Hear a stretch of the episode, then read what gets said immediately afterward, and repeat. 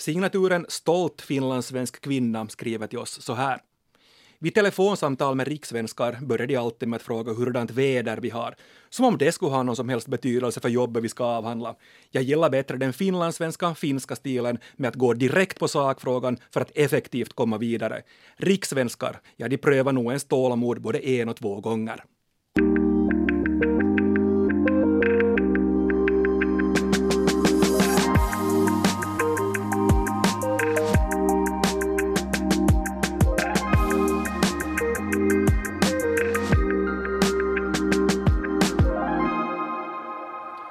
Du ska vara riktigt varmt härligt välkommen till ett kanonavsnitt av näst sista ordet där vi idag tar ett grepp om processerna och skaffar oss en hållbar lägesbild. Jag heter Jens Berg och med mig i vanlig ordning har jag språkexperten Jenny Sylvin. Hejsan hejsan, det är härligt att vara här. Är det inte jag? Vi, vi börjar Jenny med att lyfta katten på bordet som det inte heter i Sverige och så positionerar vi oss lite på den här svenska språkområdeskartan. Hur hemma är du i Sverige? Både och skulle jag säga. Jag har ju alltså ett hem där och en utökad familj som jag alltså tyvärr ju inte har kunnat besöka på nästan ett år. Och vad släkten och vännerna beträffar känner jag mig sällan särskilt missförstådd. Och blir man det, märker man att det är något missförstånd har man i allmänhet tid att reda ut de här sakerna och, och justera nyanserna. Men med främlingar tycker jag det är värre. Och jag känner mig alltid lite socialt fumlig, lite som ett ufo. Mm. Och jag är uppvuxen i det svenskaste av svenska Österbotten med fler kanske både politiska och kulturella referenser från Sverige än från, än från Finland. Och, och jag upplevde länge att Sverige så var på något sätt ett sånt där själsligt hemland för mig. Stockholm var min, var min huvudstad, inte Helsingfors. Nu har jag under de senaste åren jobbat en hel del i, i Sverige. För första gången så där på riktigt jobba, jobba, jobba. Och jag får väl nog säga att min bild har förändrats lite. Alltså det här svenska sättet som jag tidigare enbart tyckte var jättepositivt så är kanske mera nyanserat nu. Så det som du tidigare såg så det som att det var, Sverige var någonting du längtade till? Ja. Hur, hur känner du dig nu? Ja, alltså jag, jag älskar Sverige, men, men jag älskar mera Sverige så där att, att det finns uh, lite aber. Och det är kanske de vi ska tala om i, idag. Man kan kanske säga, Jenny, att du och jag är hyfsat bra med på kartan och har erfarenheter av skillnaderna mellan ett Sverigesvenskt och ett finlandssvenskt sätt att vara och att tala. Men jag vågar påstå att det här är ingenting i jämförelse med vår gäst som vi har med oss idag, pukor, fanfarer, konfetti, Tobias Larsson. Tack så mycket. Jag, jag, tycker att jag har ganska bra koll på Sverige. Det måste jag ju säga. Uh, redan min, uh, mitt sätt att prata här nu avslöjar väl kanske att jag har ganska starka band till, till uh, den stora grannen i väst. Så har du. Tobias är alltså, du jobbar på bibliotek, du är skribent och du är en välbekant röst vet jag också för många av våra lyssnare. Ena foten i Sverige, den andra i svensk Finland. Hur tar sig den här balansgången uttryck för, för dig? Jag vet inte. Alltså, ska jag vara riktigt ärlig, så de första två åren jag bodde i Finland så trodde jag på något sätt att man skulle kunna bli finlandssvensk. Jag trodde att, att det var där min resa skulle sluta. Jag skulle bli en assimilerad finlandssvensk som skulle tänka som en finlandssvensk och kanske prata lite mer finlandssvenskt och liksom låta finlandssvensk på något sätt. Sen insåg jag att det går ju inte. Alltså, man kan inte bli finlandssvensk. Man antingen är det eller så är man det inte. Om man inte är uppvuxen i svensk Finland så kan man liksom inte plocka i fatt det sen i efterhand. Um, men de första två åren så funderade jag ganska mycket på det här och noterade hela tiden att ah, så där säger man i Finland, men så här säger man faktiskt inte i Sverige, utan så här säger man i Sverige och så här så och så vidare. Och sen i något skede så bara blandade jag bort varenda kort jag hade och liksom blev helt omedveten om... Ja, vänta, jag minns att man sa på ett sätt i Finland och på ett annat sätt i Sverige, men jag kommer inte ihåg vilket som är vilket. Och jag vet inte vad jag säger själv framför allt, utan det bara går. Så jag har hamnat i någon sån här slags språklig limbo där jag liksom dels svänger mig med en del finlandismer och en del finlandssvenska uttryck, mest för att jag i grunden har tyckt att det har varit kul. Och sen så har jag mina svenska, mina rikta, riktigt rikssvenska uttryck i behåll. Och sen så kan jag dessutom dessutom kasta in finska ord och finska fraser eftersom jag nu ändå jobbar ganska mycket på finska. Och det blir liksom som någon så här slags kalops av alltihopa som jag tycker är kul men som jag inte vet om alla människor riktigt hänger med på hela tiden. Jag tror att det är läge att jag ska testa er nu. Jag, jag hör det. det, det vi, vi, tar en sån här fiktiv grej. Okay. Nu är det så att uh, ni två har jobbat tillsammans, alltså Jenny och Tobias. Mm. Och ni har jobbat för en uppdragsgivare och, och det har varit lite tal om att det skulle eventuellt bli en fortsättning med den här ö, uppdragsgivaren. Ni får mejl av uppdragsgivaren och, och det här exemplet som jag kommer med, eller exemplen alltså är enbart lite grann friserade, alltså det här är självupplevt. Två olika alternativ. Och uppgiften för er blir att välja ett hurdant mejl får ni hellre, A eller B. Här kommer A. Hej! Tack för senast. Både vi och deltagarna var nöjda. Vi vet mera om en eventuell fortsättning i september när budgeten slås fast. Jag hör av mig då med vänlig hälsning Margareta. Det här var A. Så kommer B. Hej Jenny och Tobias! För det första ett hejdundrande tack för ett helt, en helt fantastisk insats. Vi var alla supernöjda och responsen från deltagarna är översvallande. Vi ska återknyta till det här när vi har våra processer för nästa år på plats. Jag hoppas nu att ni får koppla av, njuta av sommaren och vara friska. Varma hälsningar från hemmakontoret Margareta. A eller B? Nej till A eller nej till B? Vad säger ni? Frågar du nej till A? nu låter det som att vi ska kampanja här. Nej till, nej, nej till ni? A. Uh, Nej, alltså, jag tycker inte att det här är så mycket en skiljelinje mellan Sverige och Finland. Det här är mer en skiljelinje mellan om du vill eh, liksom bullshitta någon eller inte. Vill du liksom hålla någon på bra humör eller inte? Jag känner att B-Margareta här är betydligt mer mån om att eh, skapa en bra, varm, trevlig relation. Vi ska vara kompisar. Och jag skulle kanske misstänka lite att B-Margareta är inte så himla säker på att det blir en förlängning här. Hon vill kanske att vi ska ha en så pass bra relation så att hon kan berätta det för mig utan att vi blir osams så snarare. Jag tycker nog att svenskar också kan vara A-Margareta. Jag tänker inte att A-Margareta nödvändigtvis är finlandssvensk och B-Margareta är rikssvensk, utan jag tror att A-Margareta är mer säker på sin sak och känner kanske mig lite bättre och kan vara lite rakare på det sättet. Mm. Jenny? Ja, jag tänkte just också det här att, att, för mig var reaktionen den att jag hellre skulle få det här första A. Margaretas mejl för att det är skrivet på mitt sociala modersmål på något sätt. Jag förstår hur jag ska tolka det här. Och det kan hända att du har rätt i det här att, att A. Margareta kanske känner en bättre och kommunicerar rakare. Sen är vi ju Svenskfinland så att risk, chansen att A. Margareta känner mig är ju ganska stor faktiskt. Det är sant, men i, i, det här så var det, det var alltså på, på det sättet, och det vet smarta, smarta lyssnare och det vet, ni, det vet ni alla, att A var faktiskt en finlandssvensk och B var från en uppdragsgivare i Sverige. Så, mm. så var det. Och, och skillnaden här var, var, var det att, uh, att A hörde av sig sen och B hörde inte av sig. Mm. Jag tror faktiskt att det här är en viktig sak, det som, det som, eh, det som, vi, som sades här nu alldeles nyss, att uh, i Svensk-Finland så har man ganska ofta ganska bra koll på varann. Man känner ofta varandra eller vet vad man kan förvänta sig eller har en uppfattning om vad man kan förvänta sig av varandra. Medan i Sverige så är man nästan 10 miljoner. Man kan liksom inte hålla koll och därför måste man vara lite mer, lite mer smörjmedel helt enkelt, ifall att den här personen vill ha den den här floden av superlativer, så måste man ge den för att det här samarbetet ska funka. Men det är roligt, för jag menar på finskt håll, vi är inte tio, alltså på finskt håll är man inte 10 miljoner, men ändå fem. Och, alltså betydligt fler än i Svenskfinland, och kan omöjligt hålla koll på varandra. Och jag tänker att det skulle vara helt otänkbart att tänka sig att den här text, text B skulle vara skriven på finska. Sannolikt. Superlativer var du inne på, Tobias. Eh, vi ska ta in en publikkommentar här också om signaturen Kvinna 40 plus skriver. Då jag efter en veckas semester i Sverige fått ja, men självklart som svar på även den enklaste frågan, inom parentes, som hade kunnat besvarats med ett enkelt ja.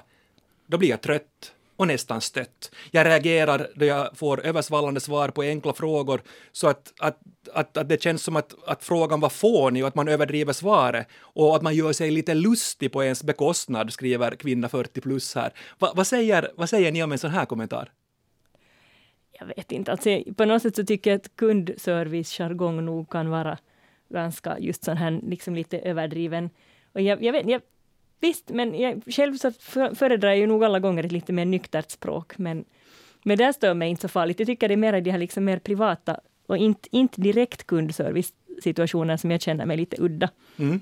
Jag vill inte ta bort från någons upplevelse. Det är klart att om man blir irriterad på att någon pratar på det här sättet. Men, men jag som rikssvensk tycker faktiskt inte att ja, självklart är något otrevligt svar, utan jag tycker tvärtom att det är ett ganska sådär välkomnande och, och positivt svar istället. Eh, jag tänker att man kanske är lite osäker på sig själv om man börjar tro att svenskarna pikar en.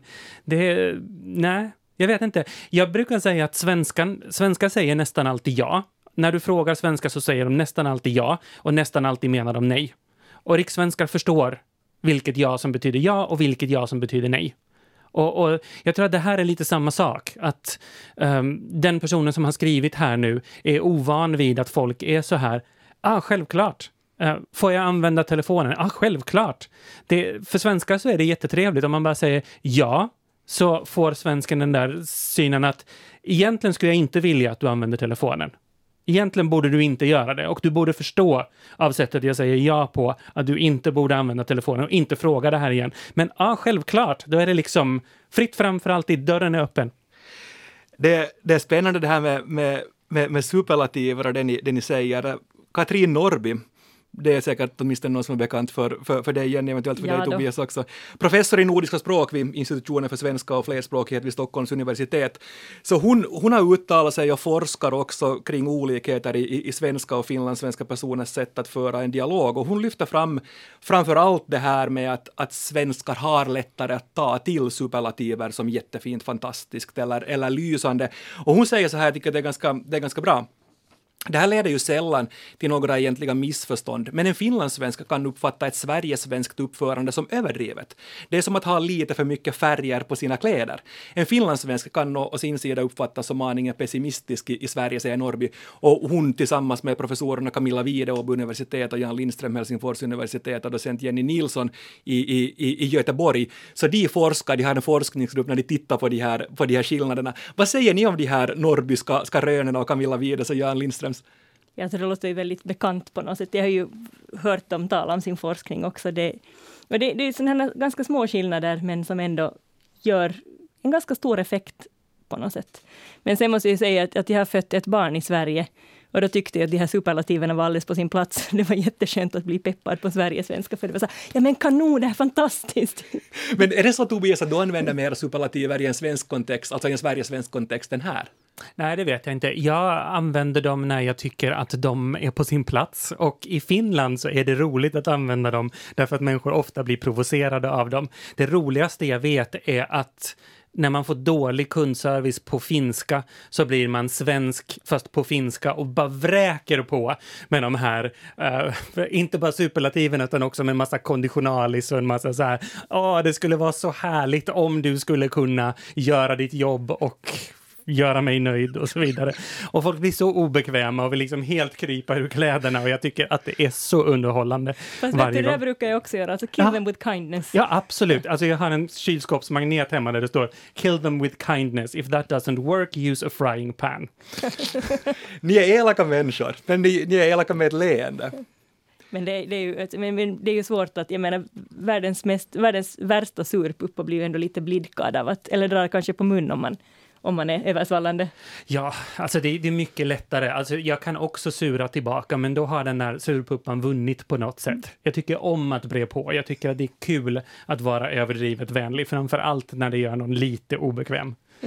En annan sak som, som det diskuteras och snackas ganska mycket om också när det gäller skillnaden mellan ett sverigesvenskt och ett finlandssvenskt sätt att uttrycka sig, så har kommit fram nu under coronaåret, där det har skrivits en hel del om, om det här. Och, och, och där har en viss kritik riktats mot att man i Sverige omskriver mycket, lindar in och, och fördunklar budskapet. Kjell Westö, författaren, han hade, kommer ni ihåg, en, en uppmärksammad text i Svenska Dagbladet när han skrev om de här svenskismerna Också Peter Al-Fakir för den delen så skrev om samma, samma ämne i Hufvudstadsbladet. Och, och, och det handlar bland annat om följande uttryck. Vi ska ta ett grepp om det här och försöka se efter var vi befinner oss i processen. Eller, här finns det orsak att vara självkritisk. Eller, nu ska vi ta rygg på förloppet och skaffa oss en hållbar lägesbild. Vad säger ni om de här svenskismerna? Känner ni igen dem? Att det där med här finns det orsak att vara självkritisk, det är väl en sån här typisk, liksom, att jag tänker egentligen inte ansvar för någonting som gick snett. Mm, eh, eh, exakt, men det är exakt det det betyder. Det här är ju ett sånt här ordbajsande som jag tycker känns väldigt amerikanskt.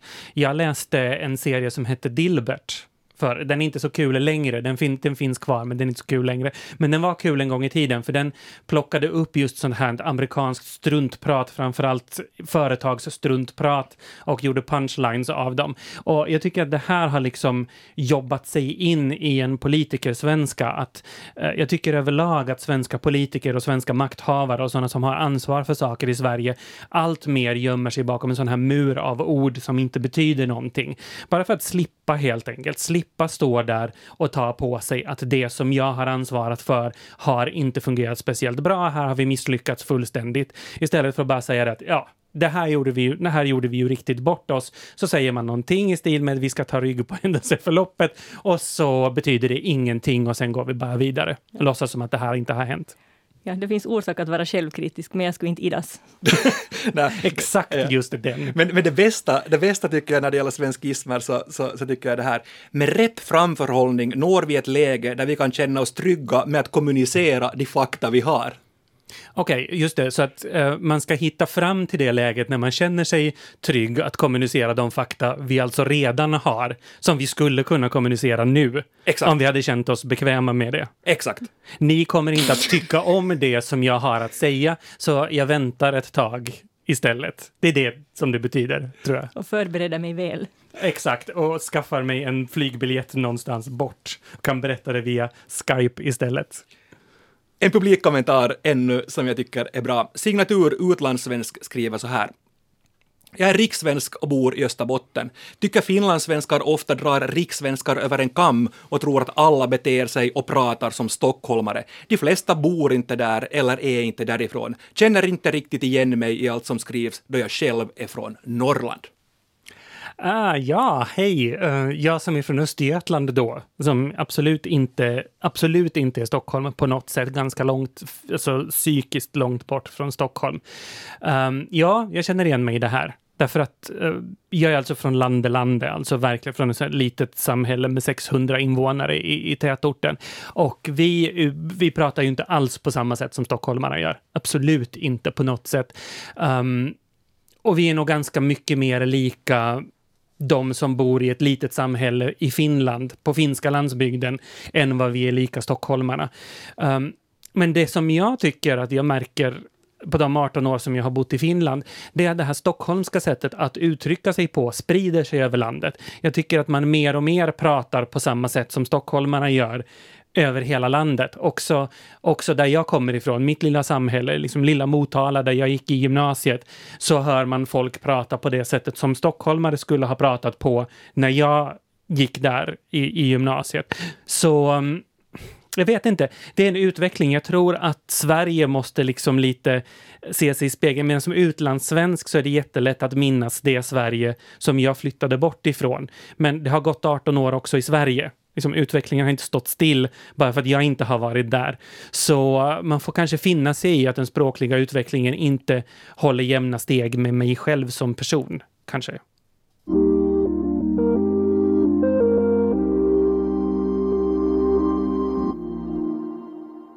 Jag tycker Jenny att du har myntat ett jättefestligt begrepp och det är socialt modersmål.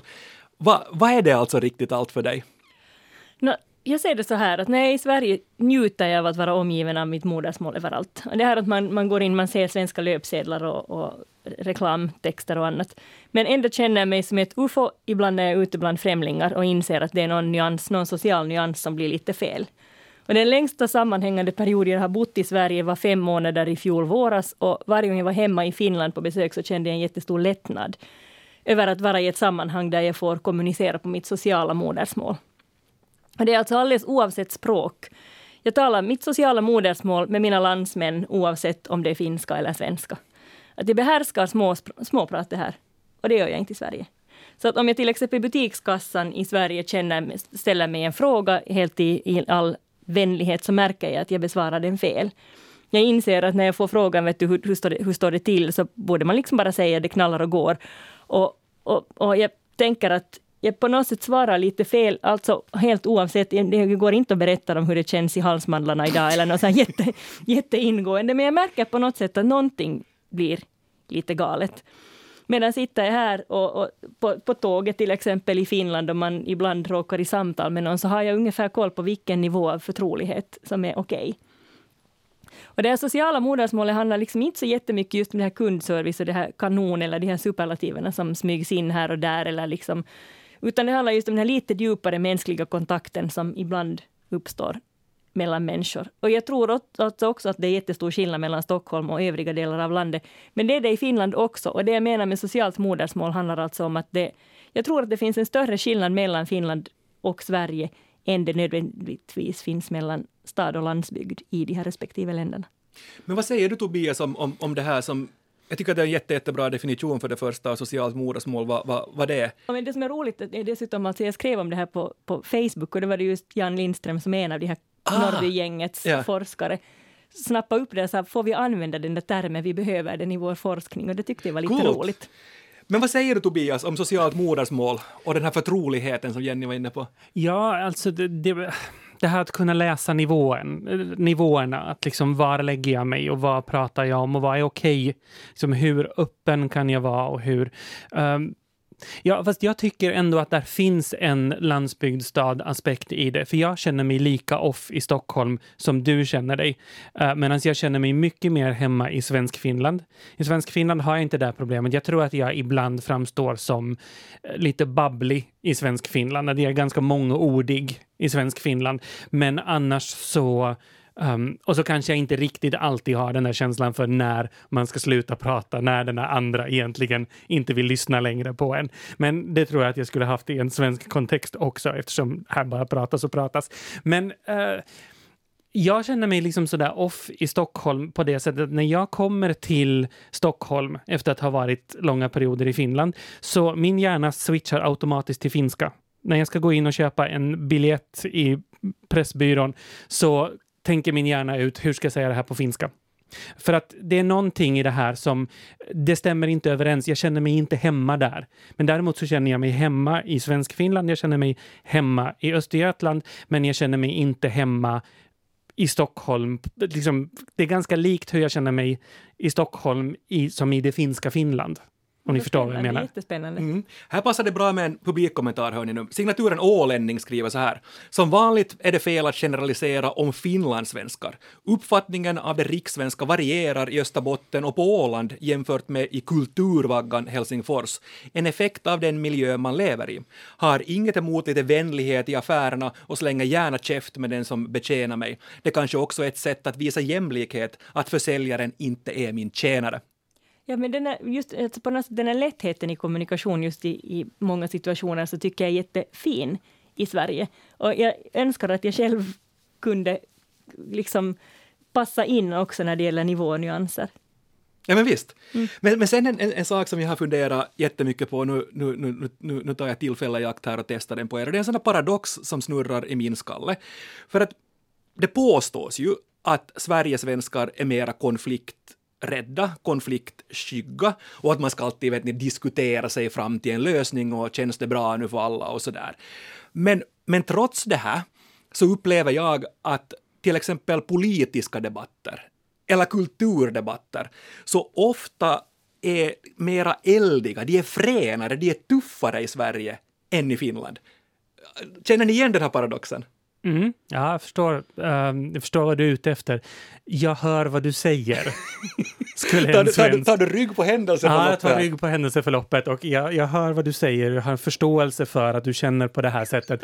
Uh, jag tycker problemet med diskussioner i, Finland, uh, i Sverige alltså politiska diskussioner, kulturdiskussioner och så vidare, det är att de har blivit väldigt klickvänliga. Man vässar till dem. Sen lyssnar man inte speciellt mycket på vad de andra säger, utan jag går in och säger det jag ska säga. Då plattar jag till er minsann och sen stänger jag av och så funderar jag på vad jag ska säga för någonting hetskt i nästa. Det är inte speciellt mycket kommunikation som pågår där. Det är inte så att, aha, Um, du sa någonting som jag kan ta fasta på och, kanske, och så kanske vi kan förstå varandra. Det finns liksom inget intresse av att förstå varandra, för konflikt säljer.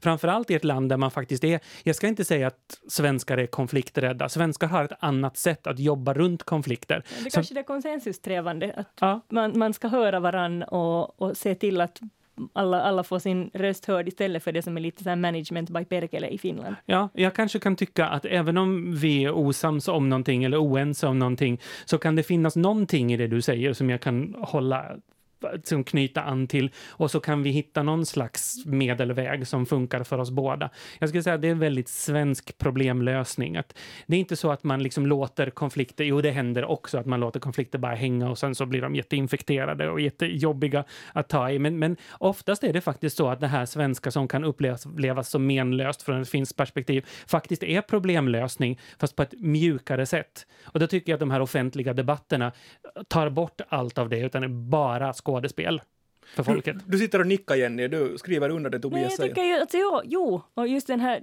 den här konsensussträvan som finns i den, den här liksom just allmänna situationer, möten och annat som kanske tar lite tid, men som egentligen förebygger en hel del problem och kan vara ett riktigt konstruktivt sätt att kommunicera. Så det är plötsligt bortblåst just i politisk debatt eller kulturdebatter i allmänhet. Och där tycker jag faktiskt, i synnerhet när det gäller den politiska debatten, så tycker jag det vore bra med lite större fokus på att lösa problemet istället för att försöka krossa sin motståndare. För titta på, titta på Sverige som har ett jättekomplicerat politiskt läge där det finns två block som i princip är nästan lika stora. De håller på att ombildas dessutom. Det skulle ju vara av största vikt att de här människorna satt ner och faktiskt försökte hitta liksom, um, kontaktytor med varandra och förståelse för varandra. Lösningar. Lösningar på saker. För vi har ett samhällsbygge här som kanske inte krackelerar men som ändå behöver underhållas hela tiden. Och då duger det inte att stå och kasta paj på varandra i offentligheten och sen aldrig komma fram till någonting.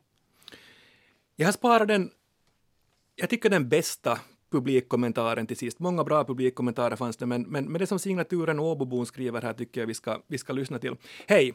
Skillnaderna är inte så stereotypiska. Sverige och de svenska städerna är större och har en längre tid haft internationellt utbyte och det som är i serviceyrken har därför en längre tid varit tvungna att vara mera inom citat amerikanska eller internationella i sitt sätt. Samma har hänt i Finland och håller på att ändra. Svensk Finland går dessutom före.